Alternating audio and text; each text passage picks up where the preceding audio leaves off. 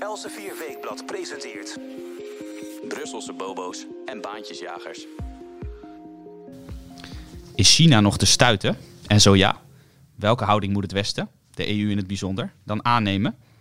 We gaan het bespreken met Jelte Wiersma, onze correspondent in Brussel. Daar is de laatste weken trouwens weinig meer te beleven, maar daar komt binnenkort verandering in. Het Europees Parlement wil op 1 juni de deuren weer openen in Straatsburg en in Brussel. Ook gaan we het hebben over de Europese Commissie, dat Nederlandse media en journalisten subsidieert, maar daar niet erg open over is. En tot slot de onderhandelingen over Brexit, die behoorlijk vast lijken te zitten. Genoeg te bespreken weer in deze nieuwe aflevering van Brusselse Bobo's en Baantjesjagers. Mijn naam is Matthijs van Schie. Goed dat u luistert naar een nieuwe podcast van Elsevier Weekblad. Jelte, hartelijk welkom. Hallo. Jij zit hier eh, voor de veranderingen tegenover mij op de redactie. En dat, dat is wel zo leuk. Eh, meestal doen we deze podcast eh, via videobellen, zoals uh, vrijwel al onze sociale contacten de laatste tijd verlopen. Maar nu zit je dus tegenover mij. Is China nog te stuiten? Luidt de vraag die deze week prijkt op de cover van Elsevier Weekblad. Jij hebt dat coververhaal geschreven. Wat is jouw antwoord op die vraag? Nou, het hangt heel erg van onszelf af. En met ons bedoel ik dan uh, de vrije wereld. Vroeger vaak het Westen genoemd tijdens de Koude Oorlog. Natuurlijk, dat was Oost tegen West, Sovjet-Unie tegen West-Europa en de Verenigde Staten en een aantal andere landen. Tegenwoordig uh, gebruik ik meestal het begrip vrije wereld. En dan bedoel ik daarmee uh, landen zoals Zuid-Korea, Japan, Australië, Nieuw-Zeeland. Democratische, vrije landen waar een vrije pers bestaat. rechtspraak onafhankelijk plaatsvindt mensen kunnen stemmen en mensen hun leven kunnen inrichten zoals zij dat zelf willen, behoudens de wet uiteraard. Die vrije wereld, die kan samenkomen en als ze dat doen, dan kunnen zij China stuiten. Als ze dat niet doen, en dat hoeft helemaal niet dat dat gebeurt, dan zal het veel moeilijker worden. Want China met 1,4 miljard mensen is een ongelooflijk groot en krachtig land. Energie, veel energie, veel innovatiekracht daar. Uh, hoogintelligente mensen. Uh, veel organisatiekracht ook. Ambities ook. Het is een land met imperiale ambities. een land dat een, een, defensie opbouwt dat voorbij gaat aan het woord van defensie, maar een militaire macht moet zijn die in ieder geval in Azië moet domineren en de vrije landen onder aanvoering van de Verenigde Staten uit Azië moet, moet weren. Ja, over de, de Verenigde Staten gesproken. Jij sprak een, een Amerikaan voor dit verhaal, Brian Kennedy. Die uh, heeft een comité uh, opgericht speciaal uh, om over het gevaar van China te spreken. Hij zegt, China is een, is een groter gevaar dan de Sovjet-Unie was. Ja. Waar, waarom is dat zoveel gevaarlijker? Ik denk dat ten eerste denk ik dat hij gelijk heeft dat dat inderdaad zo is. Ik heb daar uh, um, eerder een groot verhaal in Elsevier een keer over geschreven. Uh, waarbij ik een vergelijking maak tussen de Sovjet-Unie en China. En dan zie je dat de kracht van de Sovjet-Unie oneindig veel groter is dan die van de Sovjet-Unie. ten eerste, de bevolking is veel groter, 1,4 miljard mensen. Ten opzichte van de Sovjet-Unie, we een paar honderd miljoen. Dan geldt ook nog dat China veel rijker is dan de Sovjet-Unie ooit geweest is. Wat ook geldt, en dat is essentieel, de Sovjets die geloofden niet meer in hun eigen systeem. En de Sovjet-mens, de mensen die daar woonden, die geloofden daar ook niet in. In China is dat wel anders, omdat uh, het Chinese systeem, kapitalisme met socialistische karakteristieken en dan Chinees ingevuld, um, heel veel mensen uit de armoede heeft uh, verheven en uh, uh, welvarende mensen heeft gemaakt. Ja. dus, en uiteindelijk is een gouden regel in de geschiedenis: economische macht zet zich altijd om in politieke macht, gestut door militaire macht. En de Sovjet-Unie, dat was een economisch systeem dat verkruimelde en dat eigenlijk onhoudbaar was op lange termijn. En dat geldt voor, de, voor China geldt het natuurlijk in veel mindere mate. Uh, die zijn wel heel erg afhankelijk van export. En daar ligt dus een kans voor de vrije wereld om China te counteren. Maar uh, al met al is tot nog toe China veel krachtiger en ook geloofwaardiger voor, voor de eigen Chinese bevolking, als ook voor de rest van de wereld, als een superpower die het gaat menen. Ja, jij noemt net al eventjes die enorme economische ontwikkeling die China heeft doorgemaakt. Uh, inderdaad, miljoenen, tientallen, honderden miljoenen uit uh, de armoede uh, opgetild. En eh, in het Westen gingen men, eh, de politici in de Verenigde Staten niet in de laatste plaats, er dan ook vanuit dat als uh, die, die welvaart zou toenemen in China, dat de, de democratie en de, het respect voor mensenrechten daar als vanzelf wel op zouden volgen. Maar dat is niet gebeurd. Jij legt in dat stuk ook uit hoe dat is gegaan. Maar kun je daar wat meer over vertellen? Waarom is dat in China niet gebeurd? Ja, dat is een hele goede vraag. Uh, die ik mij natuurlijk ook stelde. En die meneer Brian Kennedy van het Committee on the Present Danger Development China ook uh, zich stelde. Ik denk dat een paar zaken heel belangrijk zijn. Allereerst is natuurlijk het feit daar dat nadat de Sovjet-Unie is geïmplodeerd in de jaren 89, 91.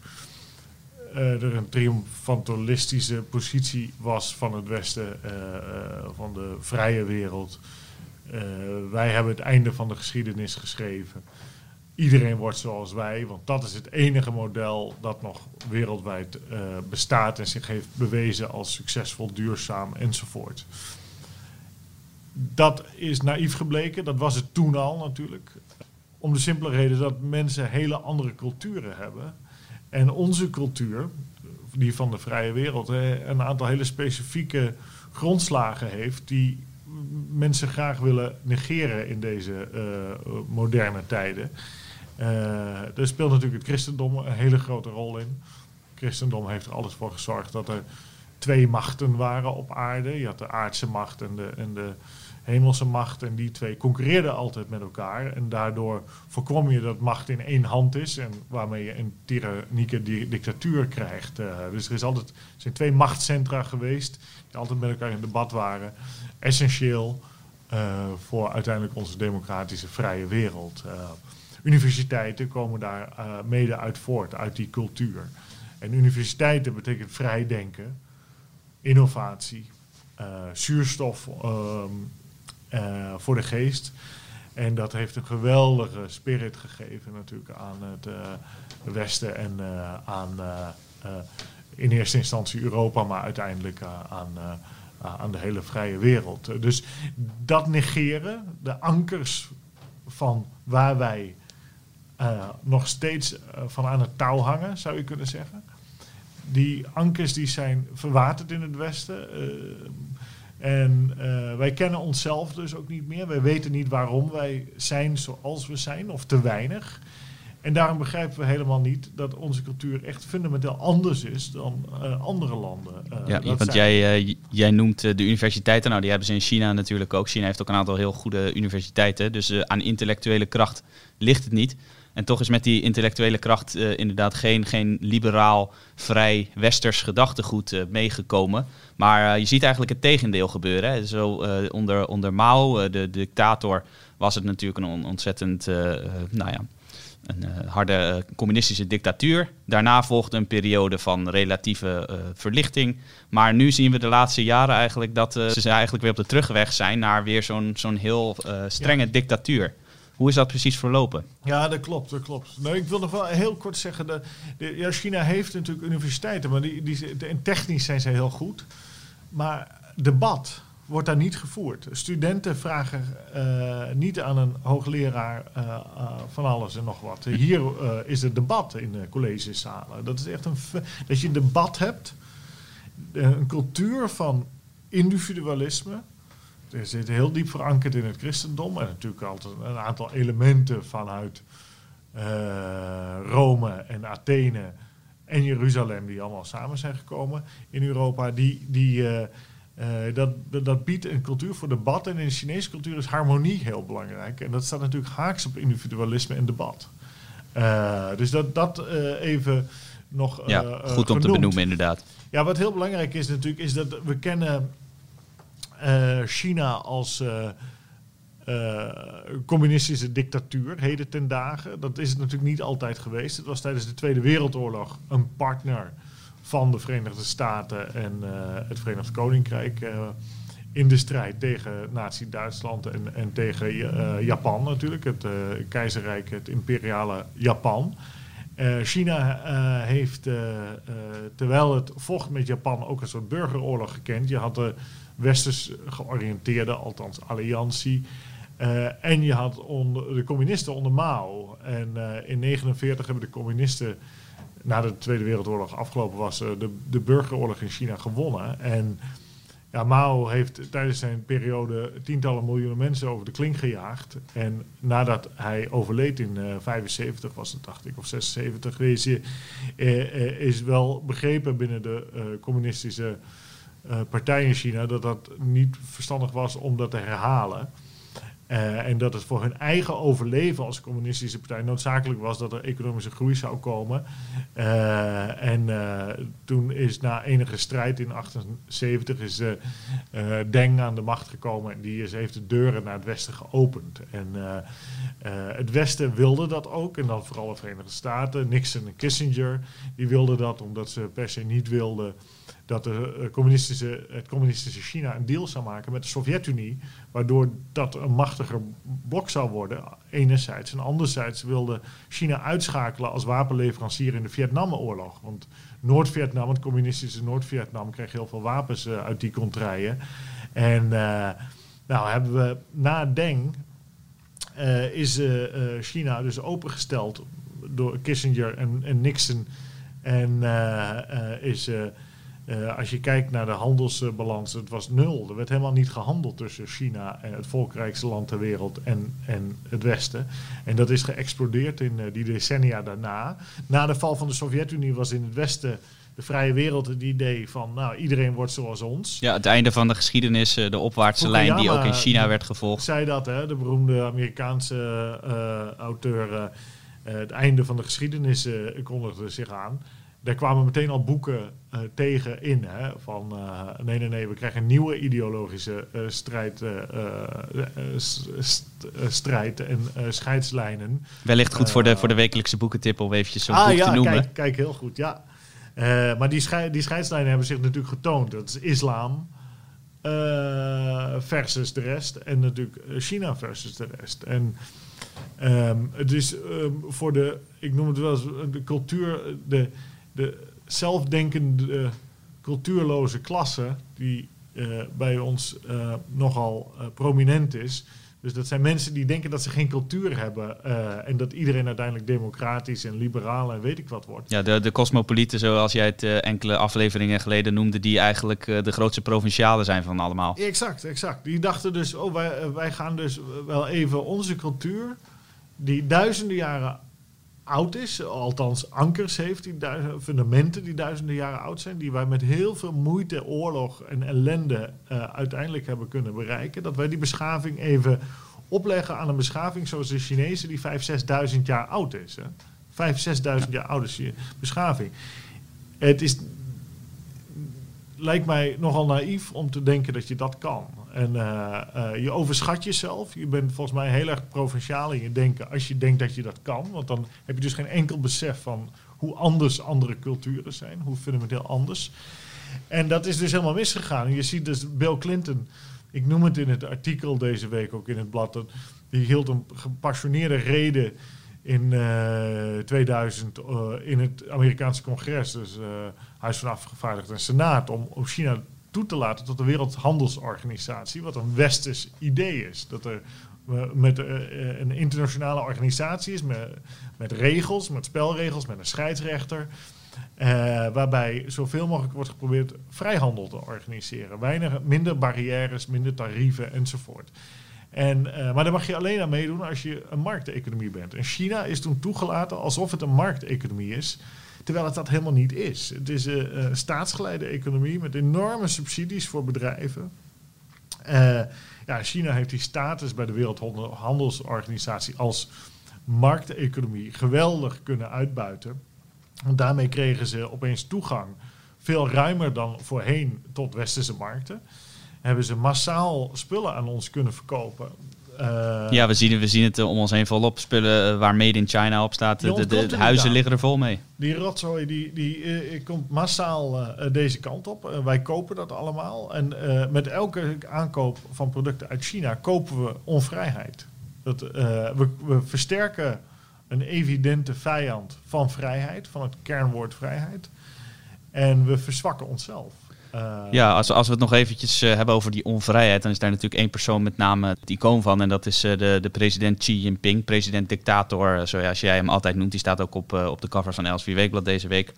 En eh, hij is enkele jaren geleden aan de macht gekomen. En hij heeft eigenlijk een heel eh, bijzondere ontwikkeling in gang gezet binnen China, binnen die communistische partij. Hè? Kun je daar wat meer over vertellen? Ja, dat is een goed punt. Je moet je voorstellen, na, na eh, Mao eh, is afgesproken binnen de communistische partij eh, dat eh, een opvolger van Mao niet langer dan tien jaar aan de macht kon blijven. Twee termijnen van vijf jaar. En dat is gedaan om de verschillende vleugels die binnen die communistische partij bestaan, om die tevreden te houden. En ervoor te zorgen dat er binnen de partij wel debat kon zijn, maar niet buiten de partij. Dus dat de partij eigenlijk het debatcentrum zou worden van een elite.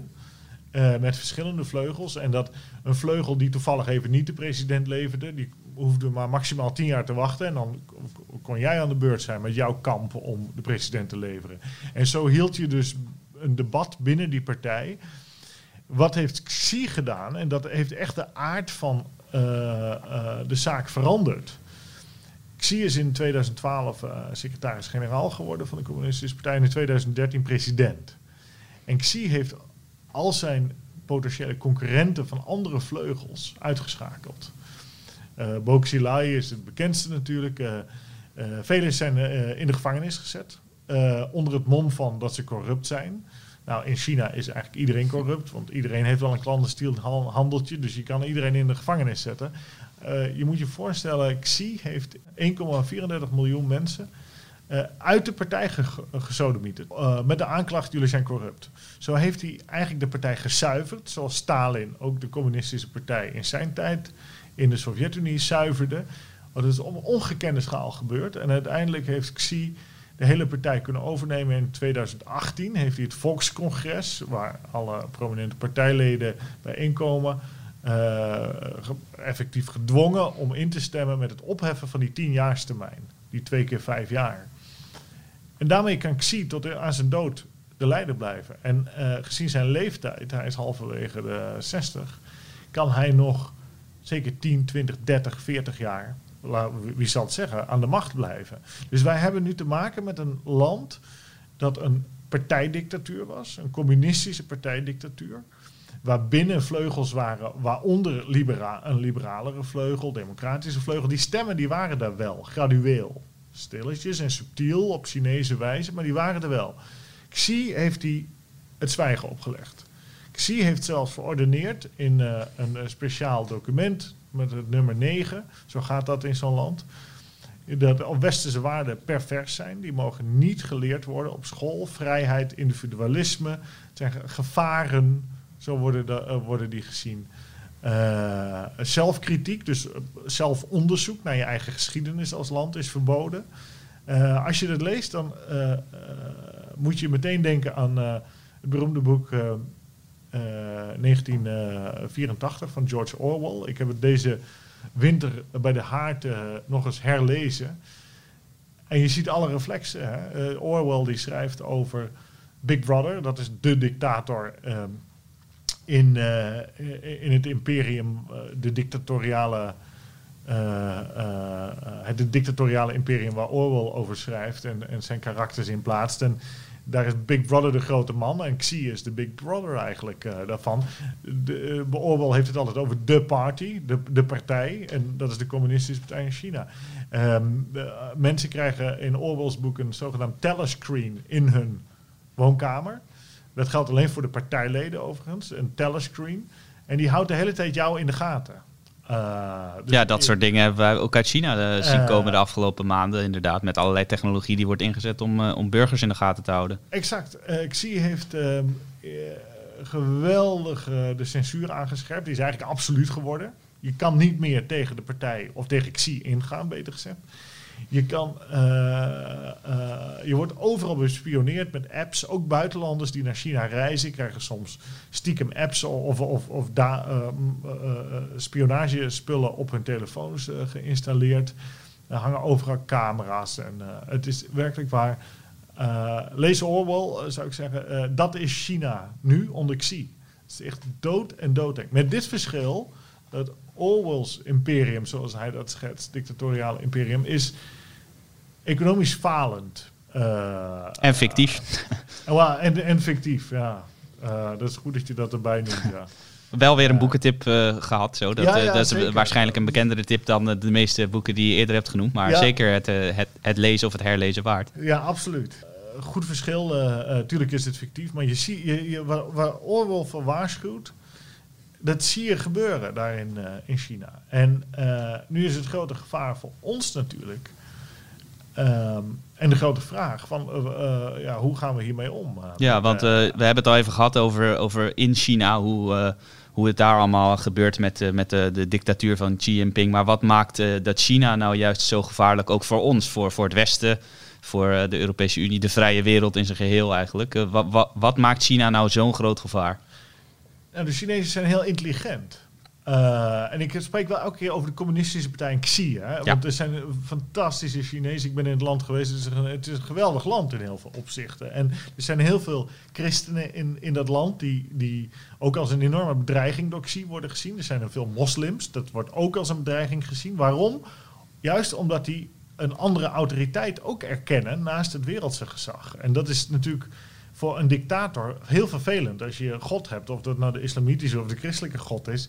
Uh, dat is voor een dictator onbestaanbaar. Dat er iemand zegt: nee, nee, nee, maar jij bent wel misschien de baas hier, maar wij hebben ook nog iemand anders uh, naar wie we luisteren en van wie we orders uh, aannemen en die moreel gezag voor ons heeft.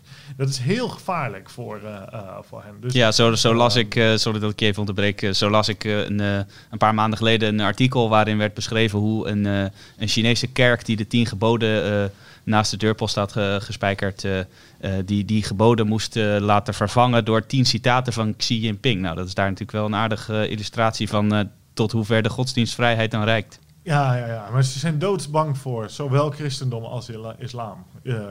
juist om die reden. Het is een concurrerend gezag.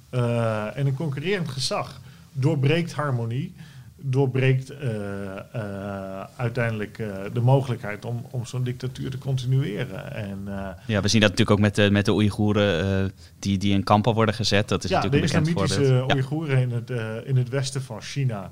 En het is, die worden naar heropvoedingskampen gestuurd. Dit gebeurt ook in Orwell's 1984, dat mensen worden naar heropvoedingskampen gestuurd. En het eindigt met dat boek, dat is heel belangrijk, met... met uiteindelijk de ambitie van de partij en Big Brother om de gedachten van mensen te controleren. Want dat is natuurlijk heel lastig. Hè? Dat mhm. lukt ook in China natuurlijk niet. Maar hoe ga je dat toch doen?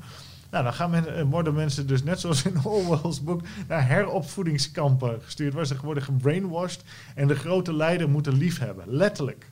Letterlijk.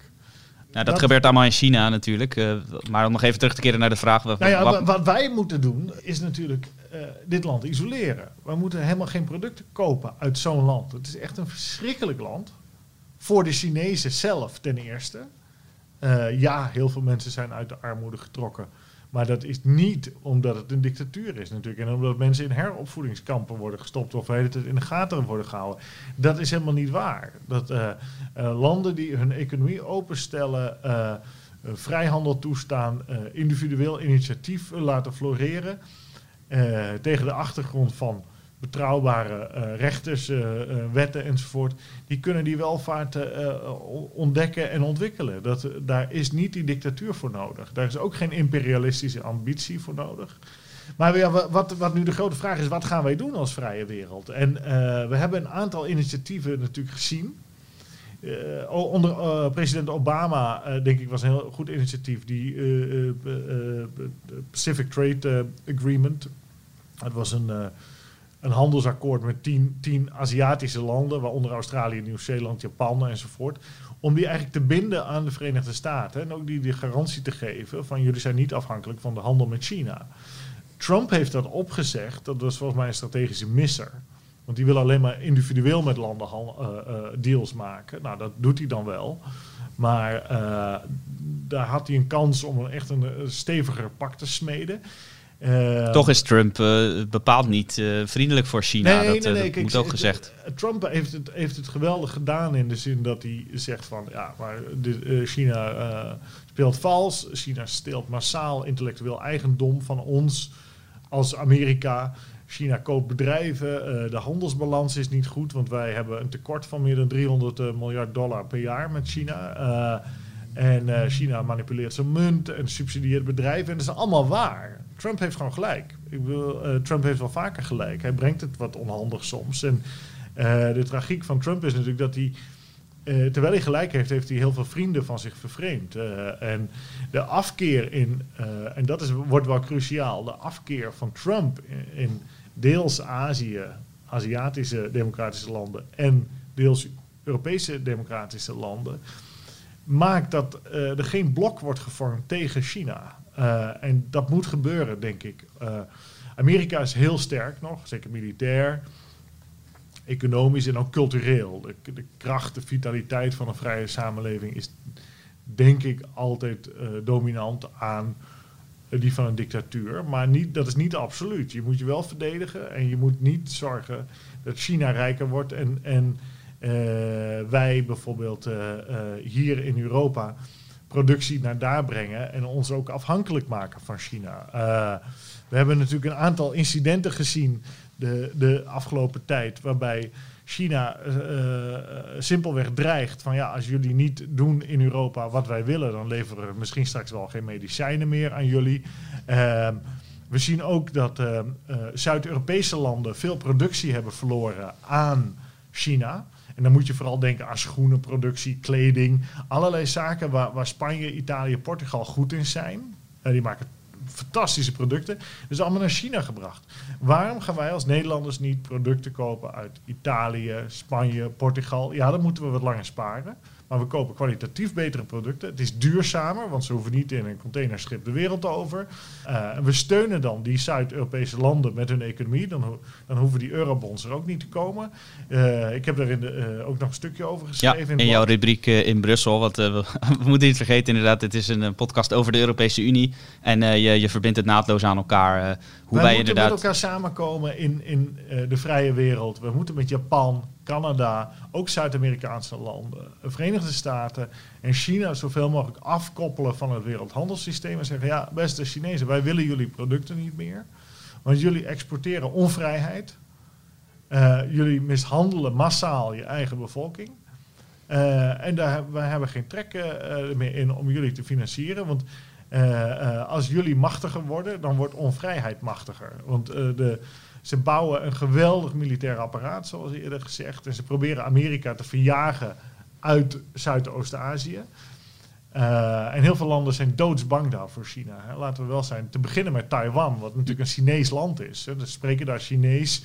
De, de, de hele elite van de alliantie tijdens de Tweede Wereldoorlog, die pro-westers was, die is nadat Mao Zedong in 1949 de macht overnam als communist, zijn gevlucht naar Taiwan.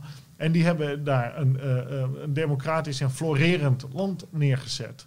En uh, China die wil dat overnemen. Die zegt elke keer, die dreigt ook, ik zie, dreigt gewoon openlijk met invasies van Taiwan. En als Amerika niet Taiwan vasthoudt, en dat doet Amerika, dan valt Taiwan meteen. We zien het in Hongkong, de protesten daar, um, waar uh, de Chinese Communistische Partij het touwtje steeds verder aantrekt en de Britse westerse vrije wereldbeschaving die Hongkong is, steeds verder wordt vernield.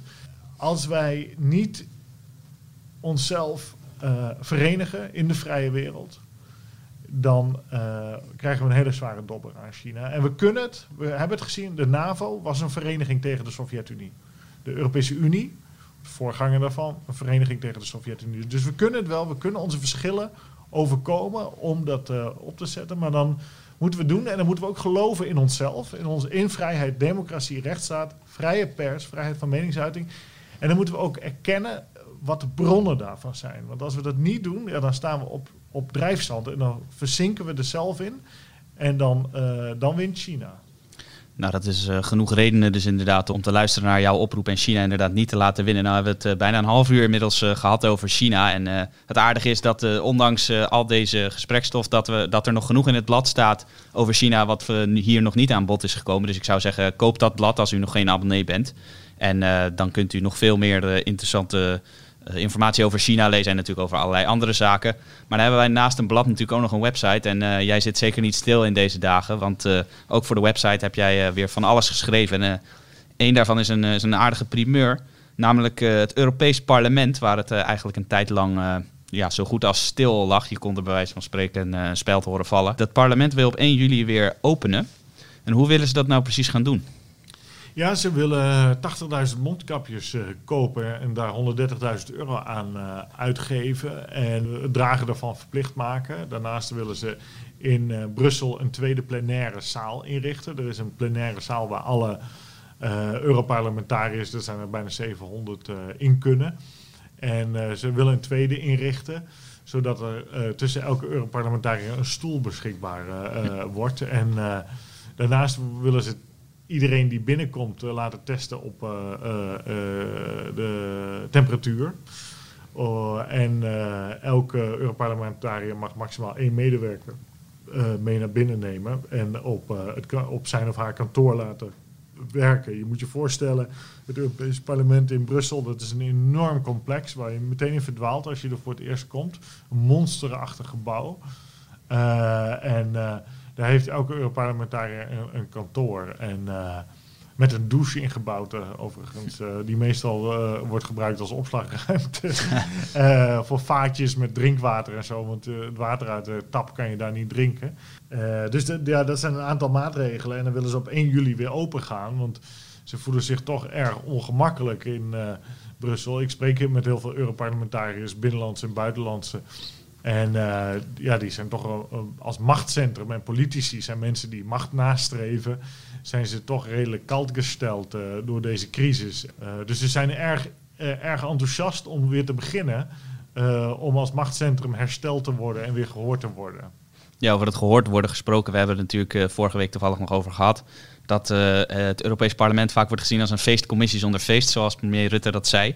En dat is ook hoeveel mensen denk ik kennen. Uh, als ze het al ergens van kennen. En daarnaast is het natuurlijk, uh, het Europees Parlement zit naast Brussel ook in Straatsburg. En het is altijd weer een, een bijzonder gezicht dat er dan wordt verhuisd tussen Brussel en Straatsburg. Waarom weet eigenlijk niemand precies. Zou dit nou niet een, een, een, goed moment kunnen zijn, ook gezien de, de risico's op besmettingen, om dat hele circus van heen en weer reizen gewoon eventjes af te schaffen? Dat zie ik niet gebeuren. Um, om de eenvoudige reden dat. Um, Frankrijk wil dat niet. En elk land heeft een veto als het gaat om het wijzigen van het verdrag van de Europese Unie. Dat is zeg maar de, het spelregelboek. En uh, dat, gaat, dat zal dus niet veranderd worden. En twee, Frankrijk heeft altijd Luxemburg en België aan zijn zijde. Op het moment dat er maar iets geritseld wordt of gerommeld wordt aan dit soort arrangementen. Uh, want Luxemburg wordt wel eens over het hoofd gezien, maar Luxemburg die heeft een een halve stad zo ongeveer met EU-instellingen uh, staan. En die profiteert daar geweldig van. En die wil natuurlijk ook niet dat het naar Brussel wordt gebracht. Anderzijds uh, is de Belgische regering vaak ook wel voorzichtig. Want die willen Frankrijk en Luxemburg niet voor het hoofd stoten. Het zijn vaak partners uh, op, de EU, op EU-gebied. Maar Brussel, België is er ook wel op beducht natuurlijk dat landen zeggen, ja, maar als er toch verhuizingen gaan plaatsvinden, dan willen wij nog wel een aantal instituties die in, in Brussel zitten. Want België is natuurlijk Net als Luxemburg, dat is overbedeeld wat betreft EU-instituties. En daar verdienen ze geweldig veel geld aan. Dus dat zie ik niet gebeuren. Je moet je wel voorstellen, Frankrijk heeft geaccepteerd dat er uh, voorlopig uh, plenair in, in Brussel wordt vergaderd. Want de, vergader, de plenaire vergadering hoort verdragsrechtelijk in Straatsburg te zijn. en dat is tot het najaar in principe. Ehm, maar het kan zomaar zijn dat dat, dat dat het hele jaar wel gaat duren. Maar Frankrijk zal die zetel Straatsburg nooit opgeven. Nee. Dat is duidelijk. Dan, uh, dan gaan we nu even naar een ander uh, orgaan, een Europees orgaan dat vaak toch wel als een uh, veel machtiger orgaan wordt gezien, namelijk de Europese Commissie. En daarover heb jij ook weer voor de site een, een heel boeiend en ook belangrijk stuk geschreven, namelijk de subsidies aan journalisten die de Europese Commissie uitkeert. Nou heb jij inmiddels boven water gekregen dat dat gebeurt, dat de Europese Commissie inderdaad media en journalisten betaalt. Maar weten we ook om welke media en journalisten het gaat? Nee, dat weten we niet precies. Um, je moet je voorstellen, in december kreeg ik, uh, dus dat is 2019, kreeg ik al een tip van iemand die zei: Ja, Jelte, er worden allemaal uh, podcasts en radio- en tv-programma's en websites uh, gefinancierd door de Europese Commissie. En ik zei: Hoe, hoe zit dat dan? En, dus ik ben eens even op speurtocht gegaan en heb toen uh, de vertegenwoordiging van de Europese Commissie in Den Haag gebeld. Want de Europese Commissie heeft een vertegenwoordiging in elk land. In Nederland zit het in Den Haag. en die, ja, die zeiden eerst: nee, dat doen we, dat, dat doen we helemaal niet. En toen zei ik: nou, maar hoe kan dat nou? volgens mij doen jullie dat wel. Financieren jullie van alles? En toen, zeiden ze, uh, toen kwamen ze terug en zeiden ze... nee, je had gevraagd naar radio- en tv-programma's, maar dat doen we niet. En ik had de vraag over de telefoon gesteld, maar ik, ik, had volgens mij gevraagd naar media, dus dat was een beetje flauw natuurlijk. Maar toen zei ik van ja, maar er zijn ook podcasts en andere uitingen en er zijn natuurlijk uh, kranten en tijdschriften en weet ik wat. Dus toen zijn ze uiteindelijk na, na, een hele lange tijd met een antwoord gekomen dat heel vaag was, uh, waarbij niet duidelijk was precies wie, hoeveel geld aan wie. Uh, en allemaal ingewikkelde lijsten. Ik snapte er ook geen bal van, om, in alle eerlijkheid. Ik heb het uiteindelijk een keer tijdens een etentje in Brussel. was puur toeval. ik zat in de Beer Factory aan het Luxemburgplein. Dat is mijn, mijn vaste café. waar veel euro-spul samenkomt. en daar liep Dirk-Jan Epping van Forum voor Democratie binnen. Dirk-Jan Epping was vroeger columnist voor Elsevier. Ja. En was uh, de eerste die uh, durfde te voorspellen dat Donald Trump de Amerikaanse verkiezingen ging winnen. Terwijl de rest van uh, journaaien dacht dat Clinton het ging winnen. en Epping is een slimme kerel. Ja, die heeft er wel kijk op dus. Ja, dat is een leuke vent. En, en die, dus, die vroeg me, Jelte, waar ben je mee bezig? Ik zeg, nou dit en dit. En die zei, zal ik nou een vraag stellen? Als Europarlementariër. Ik zei, nou ja, dat kan je natuurlijk altijd doen. Uh, Dus die heeft een vraag gesteld aan de commissie: van wie krijgt dat, uh, hoe zit dat nou precies? En er is antwoord op gekomen. En dan bleek uit dat er in 2018, 2019 uh, 165.000 euro was uh, uitgekeerd. Maar. Maar aan wie? daar wel duidelijk is, die, dat heeft Jaap Jansen terug toegegeven. Dat is een, een, een journalist tussen haakjes, een hele aardige man trouwens, uh, die annex is met D66. Die, die heeft een podcast en dat heet dan Betrouwbare Bronnen. En uh, met Pieter uh, Gerrit Kroeger, dat is een man die annex zit met CDA. Ja, het zijn allemaal mensen die annex zijn met iets. Ja. Ehm, en ja, die kregen dus geld, 25.000 euro. En, uh, dat hebben ze wel zelf toegegeven, hè? Dat, ja, ja, die hebben dat zelf toegegeven. Dus daarom weten we dat. En van anderen weten we het niet. Er zijn allerlei geruchten. Ik wil dat niet delen, want dat is niet fair. Je moet, uh, als je iets opschrijft, moet, moet, het, moet het kloppend zijn. En moet je er zeker van zijn uh, dat dat de feiten zijn. Dus, maar er zijn veel meer mensen in de journalistieke wereld die op een of andere manier geld aannemen. En Kijk, wij zijn als, of bij Elsevier erg sceptisch altijd over het financieren van de publieke omroep. Omdat dat, nou ja, als je eerlijk bent, de publieke omroep niet zo heel veel toevoegt met zijn programma's vaak. Uh, ik kijk eigenlijk nooit naar de publieke omroep hoor. Uh, en je moet er wel voor betalen. En het is een valse concurrent voor commerciële bedrijven die vaak veel boeiender journalistiek bedrijven. maar je maakt je natuurlijk altijd kwetsbaar als journalist of medium als je geld van uh, de macht aanneemt. Of het nou politiek Den Haag is of de Europese Commissie. Dat moet je volgens mij als journalist nooit willen, want dan maak je jezelf heel kwetsbaar. Ja, we uh, kunnen, om even terug te komen op die podcast, uh, Betrouwbare Bronnen, waar je het net over had. We kunnen natuurlijk nooit hard maken dat dat ook echt een opdracht is geweest. Maar wel toevallig dat, het, dat, dat deze podcast een aflevering had waarin werd betoogd dat Nederland zijn verzet tegen de verhoging van de EU-begroting moest opgeven. Nou, dat is op zijn minst natuurlijk een een standpunt dat uh, in het voordeel van, uh, van de Europese Commissie uh, lijkt te werken. Ja, er was een directeur-generaal Hoekstra, een Nederlandse directeur-generaal die over financiën gaat, werd daar uitgenodigd. En die... Niet te verwarren met Wopke Hoekstra, even, even voor de duidelijkheid. Nee, nee, nee, nee. nee, nee. en die, die werd uitgenodigd daar en die, die ging dus vrijelijk vertellen um, ja, dat Nederland vooral meer geld moest geven aan de Europese Unie. En dan, ja, als je geld hebt aangenomen van diezelfde commissie, dan wordt dat natuurlijk wel een beetje een lastig verhaal. Uh, en ik merk het persoonlijk ook wel hoor. Er zijn in Brussel allerlei aantrekkelijke arrangementen voor journalisten. Bijvoorbeeld, uh, er zijn allerlei be betaalde praatjes of, of voorzitterschappen van conferenties of zo, waar journalisten aan meedoen.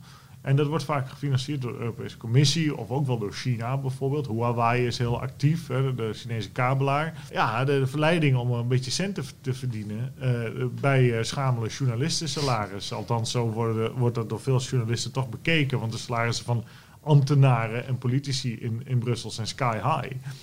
Um, ja, dat is dan heel verleidelijk. En velen vallen daarvoor, helaas. Maar dat maakt het voor de burger, uh, de luisteraar, die onafhankelijke informatie wil, die ervan op aan kan dat die journalist uh, zich niet laat betalen door een of ander, of gelieerd is aan een politieke partij. Dat is ook niet onbelangrijk. ja, dan, dan, dan, kom je toch bij Elsevier uit. Zeker, ja. Dat is misschien goed om te noemen. als u de podcast vaker heeft geluisterd, zult u dat vast van mij aannemen dat wij absoluut niet door de Europese Unie, wat voor orgaan dan ook, worden, worden betaald. Het enige waar wij van worden betaald is door de, de mensen die ons blad willen lezen, die het kopen, die een abonnement hebben of een digitaal abonnement. Dus uh, als u nou deze podcast graag wilt horen en uh, uh, ook het waardeert dat wij dit allemaal in ieder geval zonder subsidiegelden doen, dan, dan vraag ik u om vooral een abonnement te nemen, digitaal of op papier, allebei. Dat maakt allemaal niet uit, maar een link daarnaar kunt u uiteraard vinden in de beschrijving van deze podcast.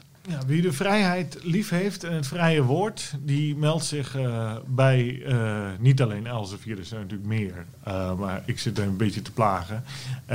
die, die, um, om die te steunen, of van welke snit of, of politieke kleur zo'n zo medium misschien ook is, of, of het je smaak of niet is. Uh, voor het debat is het essentieel dat je vrije media hebt waar serieuze mensen werken, denk ik. En dan natuurlijk maak ik reclame voor onze uh, beroepsgroep. Maar, ja. maar je ziet het ook, mensen, de oplagen stijgen, ook van, van ons bij Elsevier.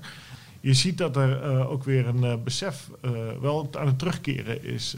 dat het toch wel verstandig is misschien om bij dat soort media uh, betrouwbare informatie te halen. En, en niet uh, te maken te hebben met uh, journalisten met dubbele agenda's of die half gecorrumpeerd zijn door betalingen van ambtenaren, politici of andere machtspelers. Zeker goed dat je het noemt. inderdaad, ik sluit me aan bij Jelte. We zijn erg blij dat, dat de oplagen stijgen. En ook digitaal dat wij er flink wat lezers bij krijgen de laatste tijd. Dus als u daar nou ook bij wilt horen, dan nou ja, dan zouden wij daar natuurlijk ook uh, zeer uh, tevreden over zijn. Voor vrijheid. Voor hè? vrijheid, inderdaad. en eerste tijden. feiten natuurlijk. Dat, uh, dat hoort ook bij Elsevier. Jelte, we gaan het na al deze zeer interessante materie ook nog eventjes hebben over een onderwerp dat wat verder weg ligt, maar niettemin heel belangrijk is, namelijk de Brexit. Want je zou het bijna vergeten, over twee maanden tijd, 30 juni, moet er al een akkoord liggen tussen Brussel en Londen, tussen het Verenigd Koninkrijk en de Europese Unie. En uh, ik vroeg me eigenlijk af hoe het daarmee staat. Kun je daar misschien uh, alvast eventjes wat, wat uh, over uitweiden of dat gaat lukken of niet? Ja, dat is een goede vraag. Um, kijk, op 30 juni moeten de Europese Unie en het Verenigd Koninkrijk uiterlijk besluiten of zij het huidige arrangement willen verlengen na 31 december. Ja, dan nee. En het huidige arrangement is dat de, het Verenigd Koninkrijk eigenlijk lid is van de Europese Unie. Want ze voldoen aan, ze zitten onder de jurisdictie van het Europese uh, Hof van Justitie. Ze doen overal aan mee. Ze betalen mee aan de EU. Uh, ze profiteren van alle vrijhandelsverdragen die de EU heeft. Dus ze zijn de facto EU-lid zonder stemrecht. Want ze hebben geen Europarlementariërs meer, geen Europees commissaris. En bij de Europese Raad, waar de ministers van de landen met elkaar sparren, zitten ze niet meer aan tafel. dat is dus eigenlijk het slechtst denkbare scenario. Ja. Meebetalen en verder uh, niks kunnen. Nee, je een contributie betalen, maar verder niet. Nou, voor, voor uh, dat arrangement dat bestaat... Um, de Franse president Emmanuel Macron heeft gezegd... ja, dat kan, ver, dat kan verlengd worden volgens het scheidingsverdrag... Dat er, waaronder dit arrangement bestaat... En Macron heeft gezegd, ja, maar uh, we kunnen inderdaad voor 30 juni, dat hebben we vastgelegd, verlengen. Maar dan wil ik het wel met 1, 2 of, of 3 jaar. Een langere termijn in ieder geval. Nou, Boris Johnson, uh, de Britse premier van de Conservatieve Partij, heeft gezegd, ik wil niet verlengen. En dat betekent dat op 31 december uh, dit jaar het Verenigd Koninkrijk uit de Europese Unie gaat. Heeft zowel Johnson als uh, de kopstukken aan EU-kant, Merkel, Macron, wel gezegd: wij willen heel graag een akkoord met jullie sluiten als Verenigd Koninkrijk. Dus, uh, en het Verenigd Koninkrijk met de EU. Dus iedereen wil wel iets, maar dan is de grote vraag hoe. Uh, zeker door corona zijn de onderhandelingen behoorlijk verstoord. Um, maar er zijn videoconferenties, twee nu geweest. En gaat uh, langzaam tussen Michel Barnier, de EU-onderhandelaar, een Fransman, en uh, David Frost, een Britse diplomaat. Ja, als u nou meer wil weten over de achtergrond van deze twee onderhandelaars, dan, dan kunt u enkele podcasts terug scrollen, want daarin vertelt uh, Jelte heel uitgebreid allerlei heel boeiende informatie over deze Barnier en Frost. Dus mocht u nog niet uitgeluisterd zijn, luister die dan naar die podcast. Sorry, ik onderbrak je Jelte, je was nog bezig. Ja, dat geeft niks. Um, die um, onderhandelingen die zitten ja, in een soort impasse, omdat um, wat is er aan de hand? het Verenigd Koninkrijk, Johnson, zegt... Ja, wij willen eigenlijk een soort vrijhandelsakkoord met, met jullie als Europese Unie... à la CETA. CETA is het vrijhandelsakkoord dat de Europese Unie twee jaar geleden heeft gesloten met Canada. En daar gaat 99% van de goederen en diensten tariefvrij heen en weer. Dus dat betekent geen importheffingen op uh, Canadese landbouwmachines en geen importheffingen op Franse kaas naar Canada. Hè? En dat is fantastisch natuurlijk dat het kan. Canada is een geweldig land. Het heel erg gelijkaardig is aan, aan Europa. En Johnson wil dat ook. Die zegt, ja, dat is toch een mooie deal. Dat zijn gewoon twee soevereine blokken. Canada is een soeverein land. Wij als Verenigd Koninkrijk zijn straks uit de EU helemaal. Zijn we een soeverein land. Wij willen ook zo'n zo'n akkoord. Dat is normaal voor ons. En de EU-landen zeggen, ja, maar dat willen we niet. Uh, want uh, jullie als Verenigd Koninkrijk liggen veel dichter bij ons. En wij vrezen dat uh, jullie ons onder de vleugels gaan schieten. Maar wat nog meer geldt, en dat heeft Manfred Weber, de leider van de Europese Volkspartij, een Duitse CSU-politicus, een van de topspelers in de EU, subtop moet ik zeggen, die heeft wel gezegd van ja, het Verenigd Koninkrijk mag niet beter af zijn buiten de EU. Want dan vrees ik dat de EU gaat ontrafelen dat er landen zijn die zullen denken: hé, hey, als het Verenigd Koninkrijk uh, het zo goed doet, economisch althans buiten de EU, misschien is dat ook wel iets voor ons om uh, uit te stappen. En dan moet je in eerste instantie denken bijvoorbeeld aan landen als Zweden, Noorwegen, die, die een soort met een halve been in de ja, EU niet zit, in de euro. De Denemarken en misschien zelfs Nederland, wie zal het zeggen. Uh, dus je hebt um, dus Weber en met hem velen vinden dat er een soort strafexpeditie moet worden uitgevoerd tegen het Verenigd Koninkrijk. Uh, ja, het Verenigd Koninkrijk moet eigenlijk gestraft worden omdat het niet meer in die EU wil zitten. Ja, dat legt natuurlijk een heel rare grauwe deken over die onderhandelingen. Want het Verenigd Koninkrijk zegt, ja, maar wij zijn, wij hebben, wij zijn toch keurig lid geweest van een club, uh, de EU. Wij hebben al onze verplichtingen keurig nagekomen. In het EU-verdrag staat ook dat, dat je eruit mag. Uh, jullie als EU sluiten allemaal verdragen met, met landen. Wij kunnen toch gewoon zo'n verdrag sluiten waarin wij als soeverein land zijn.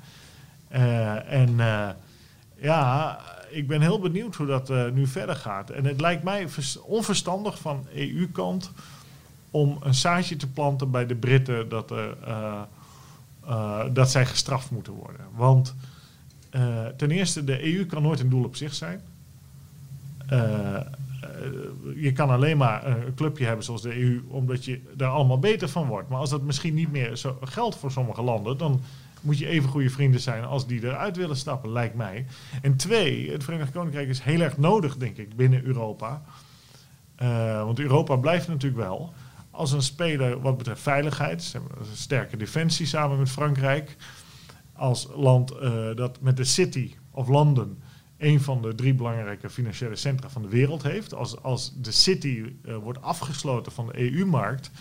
Want daar worden de meeste euro's ook verhandeld. Hè? Die worden paradoxaal in, in de city verhandeld. Dan gaan die bedrijven uit de city niet weg naar het Europese continent. Naar Frankfurt, Amsterdam, Parijs. Dat doen ze wel deels, maar ze gaan vooral naar Singapore, Hongkong en New York. Dus je, je hebt een van de financiële hoofdsteden van de wereld. Die breek je dan af. En als het weg is, krijg je het nooit meer terug. En ik denk dat dat heel onverstandig is om uh, te doen. Dus, uh, uh, maar we gaan het zien. Het wordt, wordt ontzettend spannend de komende weken. Hoe dat spel op de wagen komt. dus, maar u kunt het allemaal volgen ja. in de kolommen van Elsevier. Zeker, in de kolommen en via, via uw koptelefoon of via uw luidspreker op de computer.